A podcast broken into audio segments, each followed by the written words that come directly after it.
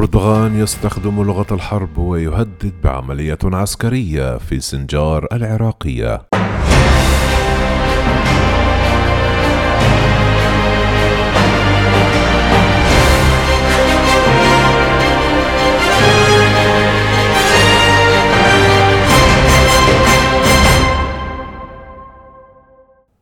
هدد الرئيس التركي رجب طيب أردوغان بشن بلاده عملية عسكرية في منطقة سنجار العراقية المحاذية لسوريا في الوقت الذي لم تمضي أيام على الزيارة التي أجراها وزير دفاعه خلوصي أكار إلى العاصمة العراقية بغداد وأربيل عاصمة إقليم كردستان.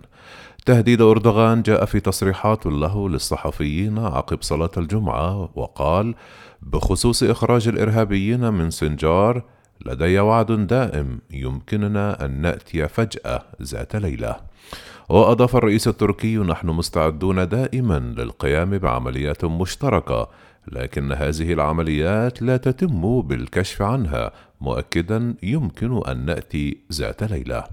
ومصطلح سنأتي ذات ليلة سبق وان استخدمه أردوغان في الأيام التي استبقت العمليات العسكرية التي شنها الجيش التركي في مناطق بسوريا وخاصة في منطقة عفرين بعملية غصن الزيتون مطلع عام 2018 والمنطقة الواصلة بين تل أبيض ورأس العين السورية بعملية نبع السلام في أواخر عام 2019 ما سبق يأتي بعد أيام قليلة من زيارة أجراها وزير الدفاع التركي خلوصي أكار برفقة رئيس الأركان ياشار جولر إلى العاصمة العراقية بغداد وعاصمة كردستان العراق أربيل.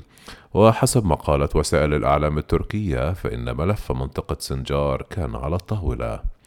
ومنذ الاثنين الماضي شهدت الأوساط السياسية التركية ترويجا لعمل عسكري مرتقب في سنجار من أجل إبعاد خطر حزب العمل الكردستاني من المنطقة.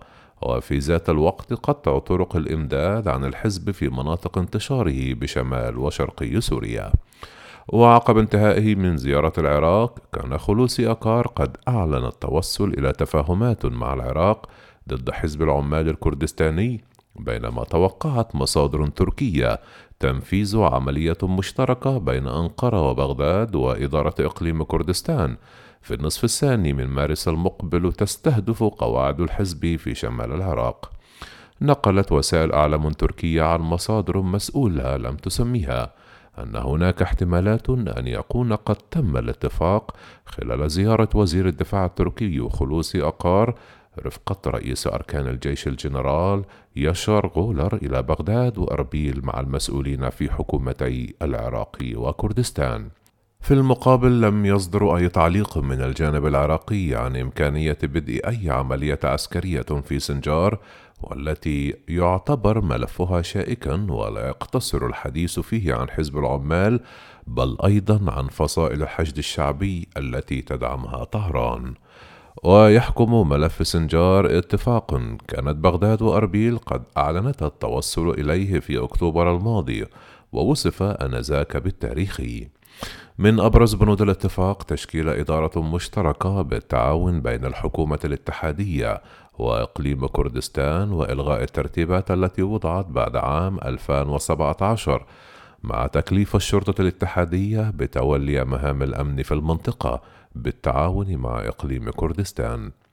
أما البند الثالث فيشمل الخدمات وتتم أيضا بالتعاون بين الطرفين لإعادة إعمار سنجار التي تضررت بنسبة 80% وبسبب احتلالها من قبل داعش كما نص الاتفاق على إخراج عناصر حزب العمال الكردستاني وفصائل الحشد الشعبي منها لأجل إعادة النازحين.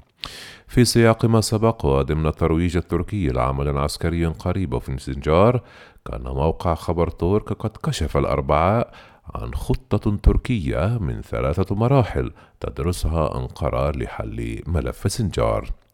المرحلة الأولى حسب الموقع التركي هو التوجه إلى إنهاء وتقييد أنشطة حزب العمال الكردستاني في منطقة سنجار المحاذية لسوريا مشيرا إلى أنه بهذه الطريقة فإن الرأي السائد هو أن علاقة التنظيم بسوريا ستنقطع بطريقة مشابهة لجبال قنديل في غضون عامين. أما المرحلة الثانية ستتجه أنقرة فيها إلى قتال الفرع السوري لحزب العمال في الداخل السوري لكن هذا الأمر سيصطدم بموقف الولايات المتحدة الأمريكية والذي لا يزال غير واضحا حتى الآن. ذكر الموقع أن المرحلة الثالثة تتضمن عملية الترميم والعودة إلى الوضع الطبيعي وضمنها سيتم تعزيز التواصل مع الكرد على خط المفاوضات بين أنقرة وموسكو. وأشار الموقع إلى أنه تم تقديم توقعين مهمين خلال زيارة الوزير آكار إلى بغداد. حيث اقترحت أنقرة عملية مشتركة بدعم من إدارتي بغداد وأربيل على أن يتم التحرك فيها في النصف الثاني من مارس المقبل وانطلاقا من تسعة نقاط مختلفة. على الرغم من التهديد والوعيد التركي بشن عملية عسكرية في سنجار لطرد حزب العمال إلا أن مراقبون يرون أن ملف المنطقة بيد بغداد أكثر من أنقرة إلى جانب الولايات المتحدة الأمريكية والتي لم تتضح سياسة إدارتها الجديدة بشأن ملفات الشرق الأوسط حتى الآن. اعتبر بعض المحللون السياسيون كالسيد محمد عبد الستار أن زيارة المسؤولين الأتراك إلى بغداد وأربيل في الأيام الماضية لا يمكن إخراجها من إطار العسكرة نظرا للشخصيات العسكرية التي تصدرتها مشيرا إلى أن اتفاق سنجار الذي لم ينفذ إلا شكليا حتى الآن كان أساس النقاش. ويقول عبد الستار أن الإشكالية في الوقت الحالي لا تكمن في تركيا بل في العراق حيث تعجز بغداد حتى الآن عن التعامل مع ملفي الحشد الشعبي والعمال الكردستاني في منطقة سنجار.